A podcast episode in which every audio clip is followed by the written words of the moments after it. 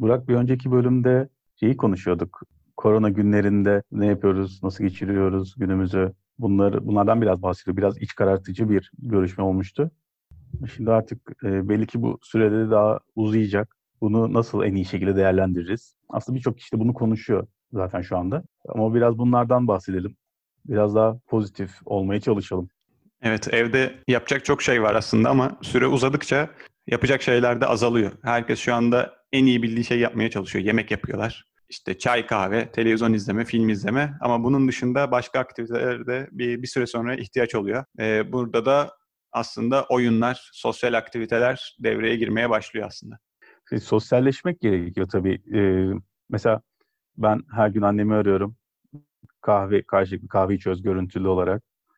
Ee, ya da arkadaşlarımızla işte Zoom üzerinden, çeşitli uygulamalar üzerinden sohbetler ediyoruz ama bunun haricinde bu sohbetler hep aynı yerde tıkandığı için geliyor, dönüyor, dolaşıyor.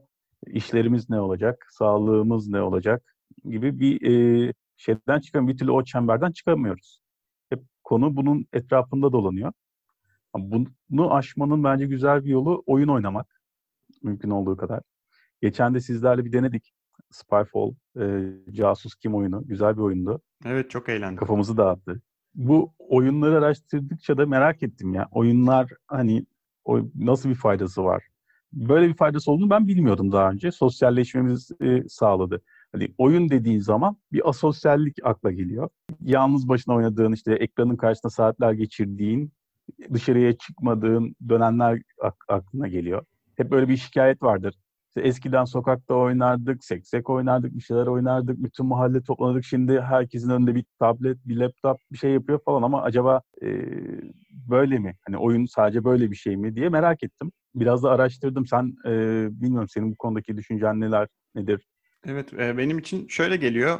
E, oyun oynamak hani sosyalleşme aktivitesi ama günümüzde dediğin gibi sürekli bilgisayar başında olmaktan dolayı asosyal hale getirilmiş gibi düşünülüyor ama aslında bilgisayar oyunlarında da sosyalleşebiliyorsun. İşte artık canlı chat olayı var. Birileriyle diyalog kurabiliyorsun. Bu şekilde değerlendirebiliyorsun aslında. Yani asosyal olmuyorsun. Asosyallikten çıkıyorsun aslında.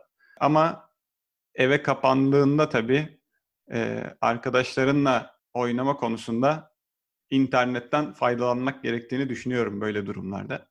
Ama oyunun tarihinde hep benim aklıma şey geliyor. Savaşla alakalı gibi geliyor. Yani bir aslan mesela, aslan yavrularını düşünelim. Birbirleriyle oynadıkları zaman aslında bir alıştırma yapıyorlar. Bir av alıştırması yapıyorlar. Bunun içinden oyun hareketleri çıkıyor. Hani böyle bir yerden geldiğini düşünüyorum. Belki de primatlarda da öyledir. Avlanma için mesela aynı hareketleri birbirleri üzerinde deniyorlar. Bu bir oyuna dönüşüyor. Hani yakalamaç işte kovalamaç denen oyunlar da sanki onun gibi bir avı yakalıyoruz sürekli. Bu belki beslenmeyle alakalı bir yerden geliyor olabilir. Bu araştırmayı yaptığım zaman ben de ilginç bir şeyle karşılaştım. Mesela oyun nereden çıktı, ne zaman çıktı diye. E, genelde de bu tür şeylerin çıkışında böyle bir mitolojide mutlaka bir kaynak buluyorsun, benzer bir şey buluyorsun ama mitolojide oyunla ilgili bir e, bilgi yok. Yani oyun oynamak ama buradaki bahsettiğim oyun tiyatro oyunu, e, işte yarışmalar değil. Oyun, oyun oynamak. Ve e, bunun sebebi de yani bir oyun tanrısı gibi bir şey yok mitolojide. Ve bunun sebebi de zaten tanrıların dünyada oyun oynadığına inan, inanılıyor olması. Yani dünya tanrılar için bir oyun alanı olarak bakılıyor mitolojik e, yaklaşımlarda. Bir oyuna hani biz neden bu kadar ilgimizi çekiyor, bizi alıyor, götürüyor? İşte sohbet ederken sadece belli bir gündemde kalıyoruz dedik ama oyun oynarken bu gündemimiz değişiyor. Hani o aklımıza gelmiyor. Farklı bir dünyaya bu, e, ya geçiyoruz. Zaten oyunun amacı bu. Yani seni içine daldırıyor. Bir sinema filmi gibi e, ya da bir tiyatro oyunu gibi e, seni o anda içine alıyor. Ve sen artık bu dünyada değil, oyunun dünyasında yaşamaya başlıyorsun böyle bir e, algı yaratıyor insanda. Evet, orada sürükleniyorsun aslında değil mi? Böyle böyle bir his geliyor yani. Oyunun içinde o dünyaya aitsin hissiyatı oluşuyor aslında için, içinde. Sürüklenme dediğin nokta da çok ilginç. Zaten oyunun içinde bu var. Yani bir e, evrilme var. Oyunda bir şekilde başlıyorsun ve sonra hep ilerlemeye çalışıyorsun. Açık bir hedefin var ve o açık hedefe doğru devamlı üzerine koya koya koya koya gitmeye çalışıyorsun ve bir e, sürüklenme yaşıyorsun o sırada. Bir evrilme yaşıyorsun. En basitinden şeyde bile var bu. Mario oyunundan tut, işte prensesi kurtarma ya da günümüzde en gelişmiş oyunlarda bile sanırım aynı e, mekanik yani aynı şey e, formül devam ediyor. Her zaman var. Yani oyunda şu kesin net bir hedefin var ve bir kahramansın. Ve bu kahraman olmak için süper güce ihtiyacın yok. Yani işte musluk tamircisisin ama kahramansın. Kahraman gibi hareket ediyorsun. Ve bir hedefin var. Prensesi kurtaracaksın. Ya da e, başka bir oyunda bazen işte ne bileyim tilkisin ve bir amacı yani sıradan bir tilkisin ama bir hedefin var. Bir amacın var. Bölümleri geçiyorsun, bir amaca ulaşmaya çalışıyorsun. Veya e, sıradan başka bir insansın ve bir hedefe doğru gidiyorsun. Aslında bu gerçek hayatta da birbirine çok benziyor. Yani insanlarda, insanlar da e, normal hayatlarında hep bir hedefe doğru ilerlemeye çalışıyoruz. Bir şeyleri e, öğrenmeye, ilerlemeye çalışıyoruz. Sahip olduğumuz bütün potansiyeli fark etmeye çalışıyoruz biz de kendi hayatımızda. Bu e, sanal bir dünyada inşa edildiğinde e, böyle bir merak uyandırıyor ama kendi dünyamızda bunu fark edemiyoruz biraz. Peki insan e, gerçekten buna ihtiyaç duyuyor mu peki? Mesela oyuna neden ihtiyaç duyuyor? Neden kafamızı dağıtmak istiyoruz? Bununla ilgili bir bilgin var mı? Neden mesela ben o dünyaya sürekli gitmek istiyorum mesela bilgisayar oyununda? Çünkü gerçek dünyada başarılarımızın e, eksikliğine yani bir şeyde hayal kırıklığı yaşamaktan korkuyoruz, çekiniyoruz. Fakat oyunda böyle değil. Oyun oynarken korktuğumuz bir canavarla yüzleşmekten çekinmiyoruz. Ya da deniyoruz, yeniliyoruz, bir daha deniyoruz, bir daha yeniliyoruz, bir daha deniyoruz. Bir şekilde sonuca ulaşıyoruz ve bundan çekinmiyoruz. Bu yüzden biraz da oyun oynama ihtiyacını e, hissediyoruz. Çünkü biz o zaman bir kahraman olabiliyoruz. Çünkü kendi hayatımızda kahraman olamıyoruz. Yani o riski alamıyor muyuz kendi hayatımızda? Evet, kendi hayatımızda o riski almaktan korkuyoruz, çekiniyoruz. Ama oyun dünyasında bu tehlikelerden çekinmiyoruz. O riski almaktan çekinmiyoruz. Bu da aslında oyunun seni sürüklediği bir şey yani. Diyor ki bu oyunun bir kuralı var. Bu oyunda yapabileceğin şeyler belli. Zıplayabileceğin yükseklik belli. Bu oyundaki kurallar, e, işte fizik kuralları ya da genel kurallar her şey belli. Ve sen bu oyunu hiç sorgulamıyorsun. Ve sorgulamadığın zaman da e, doğrudan onu bir kabullenerek oynamaya başlıyorsun. Ve işte orada yapabileceğin şeyler, yapamayacağın şeyler, bunları e, bunlardan çekinmeden gidiyorsun. Benim bir hedefim var ve bu oyunda bir kuralları var ve bu oyun başarıya ulaşmam mümkün. O yüzden bu kurallara ben bu başarıya ulaşabilirim diyorsun. Fakat gerçek hayatta durum bu böyle değil. Gerçek hayat diyorsun ki ya bu dünyanın bir düzeni var ve bu düzen beni e, kazanmama imkan vermiyor gibi bir düşünceye girebiliyorsun. Ve o yüzden de o yaşadığın zorluklarla e, mücadele etmek yerine onlardan kaçmayı tercih edebiliyorsun. Evet. Peki şeyle ilgili ne düşünüyorsun? Mesela takım oyunu, toplu oynadığımız yani diğer insanlarla e, oynadığımız oyunlarda mesela şu anki durumumuzda herkes evlere kapalı duruyor. E, bu süreçte mesela oynayabileceğimiz bir oyun var mı? Aktivite var mı? Hem sosyalleşebileceğimiz hem internet üzerinden de oynayabileceğimiz bir oyun. Tavsiyen var mı acaba? Şimdi e, mesela işte geçen gün bahsettiğimiz bu Spyfall keyifli bir oyundu birlikte oynadığımız zaman e, bir amaç var. Amaç şu, e, bir casus oluyor ve diğerleri de belli bir mekanda görev alan insanlar oluyorlar. Bu kişiler kendi alanlarını, yani nerede çalıştıklarını ya da nerede bulunduklarını belli etmeden casusu yakalamaya çalışıyorlar. Casus da onların hangi ortamda olduklarını anlamaya çalışıyor. Şimdi sen e, kimse kimsenin ne olduğunu bilmediği için karşı tarafa soru sorarak öğrenmek zorundasın. E, aynı yerde aynı yerde misiniz? Aynı ortamda mısınız? Yoksa e, hiç ne, nelerden neden bahsettiğimi hiç bilmiyor e, durumum var. O zaman diyorsun ki bu casus böyle keyifli bir oyundu. E, bu mesela denenebilir. İnternetten oynanabiliyor. Herkes kendi telefonuyla oynanabiliyor. Aynı zamanda bir görüntülü konuşma olursa da orada o sorular karşısındaki tepkiler, mimikler e, biraz daha oyunu eğlenceli, keyifli hale getirebiliyor ama sadece bir grup e, konferans call üzerinden bile oynanabilecek bir oyun bu. Evet, adeta yan yanaymışız gibi. Spyfall'du değil mi oyun ismi? Spyfall. Spy, Spyfall, evet. Oynamak Casus isteyenler Türkçe. Oradan bulabilirler. Türkçesi, evet. Oyunlar böyle. Gerçekten ilginç bir deneyim. Aslında sadece bir vakit öldürmek meselesi değil. Kendimizi geliştirmek için de bir fırsat. Yani oyunlarda yine mesela şeyler var. Patronlar var. Bölüm sonu canavarları var. Orada amaç şu. Sen bir, e, belli bir sürede çeşitli yetenekler elde ediyorsun. Bu yeteneklerin hepsini kullanabiliyor musun diye bir e, deneme aslında. Ve her bir patronu geçtiğinde biraz daha üzerine ekleniyor, biraz daha üzerine ekleniyor. E, eğer sen bir bölüm geçemiyorsan, o patronu geçemiyorsan demek ki senin sahip olduğun ya da öğrendiğin işlerle ilgili, bilgi birikiminle ilgili bir eksiklik var. Hakim olamadığın bir nokta var diyor. O yüzden tekrar başa dön, tekrar oyna. Amaç bu. Gerçek hayatta da böyle. İşe gidiyoruz, bir işimiz, işle ilgili çeşitli şeyler öğreniyoruz, yolda bir şeyler e, öğreniyoruz, anlıyoruz. Ondan sonra bir e, mücadele, bir challenge karşımız e, sınanıyoruz. Ve eğer biz e, bütün bu bilgi birikimimiz netse, kullanabiliyorsak, yaşadığımız tecrübeleri, öğrendiklerimizi o anda işte aktarabiliyorsak, o bölümü geçmiş oluyoruz zaten, ilerliyoruz. Yoksa tekrar başa dönmek zorunda kalıyoruz. Olduğumuz yerde saymak zorunda kalıyoruz. Yani iş hayatı ya da e, insanların gerçek hayatıyla oyun hayatı birbiriyle e, çok çok bağlantılı geliyor bana. E, oyunlardan öğreneceklerimiz var bu anlamda. Şey döngüsü var, o da çok ilginç. Oyunlarda e, bir kahraman döngüsü var.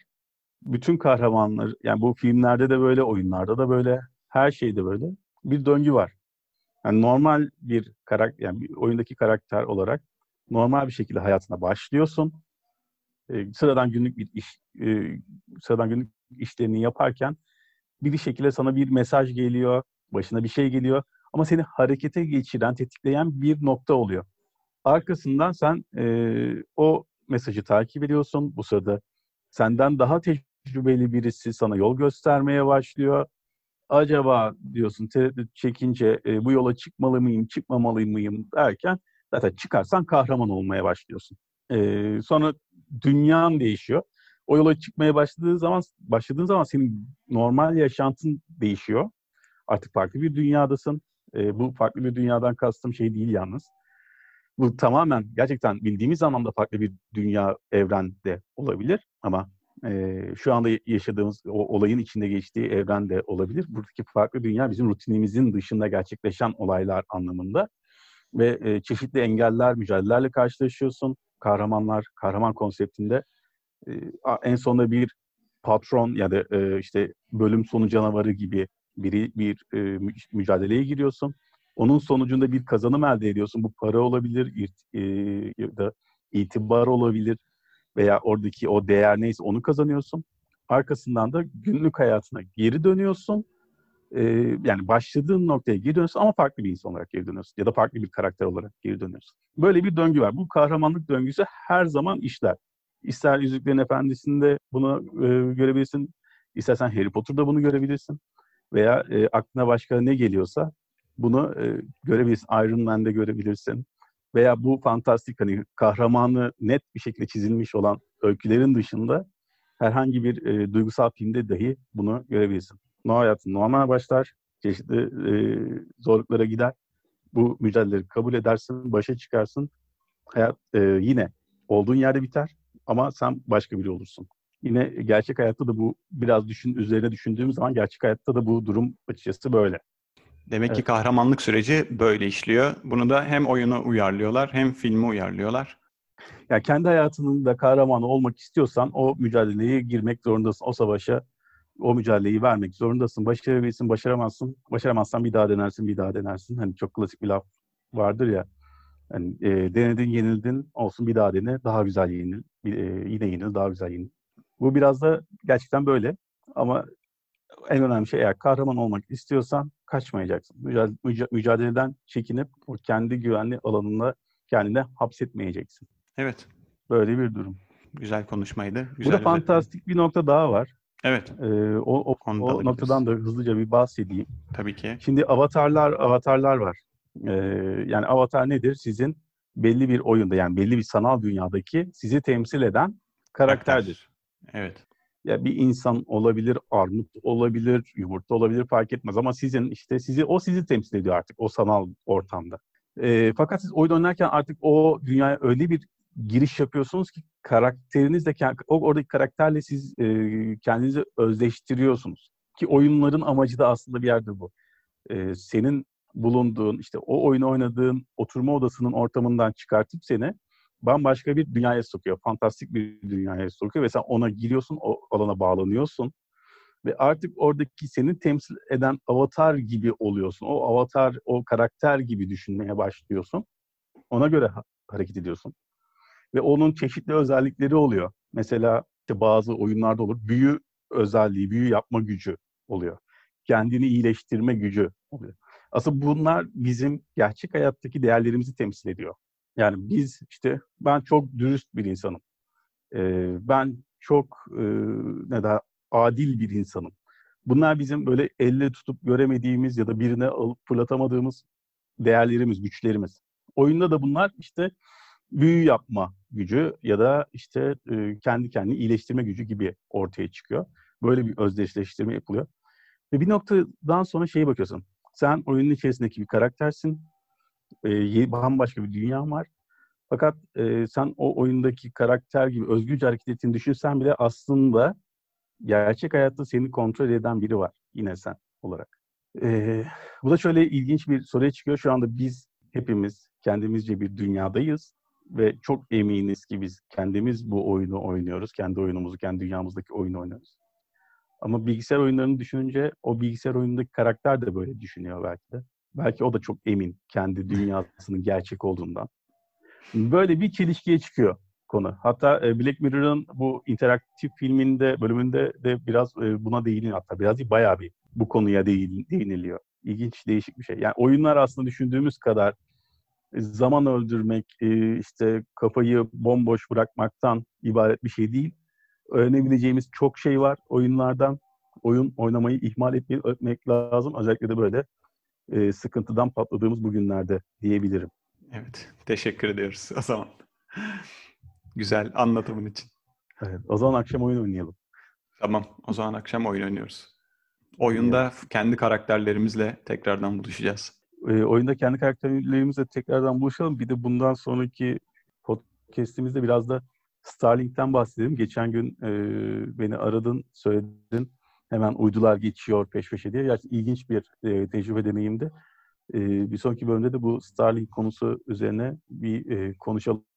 Evet harika olur. Şu anda e, öyle bir teknolojiye de ihtiyacımız var. İnternet hızı ile alakalı olarak yani evlere kapandıktan sonra en büyük ihtiyacımız iletişim. İnsanların birbiriyle iyi iletişim kurabilmesi için de iyi bir e, iletişim ağı ve internet hızı gerekiyor. Bunun için de Starlink projesini biraz daha incelersek bu sorunun cevabını da alacağımızı düşünüyorum. Bölüm için Görüşürüz. teşekkür ediyoruz. Görüşmek üzere. Kendine iyi bak.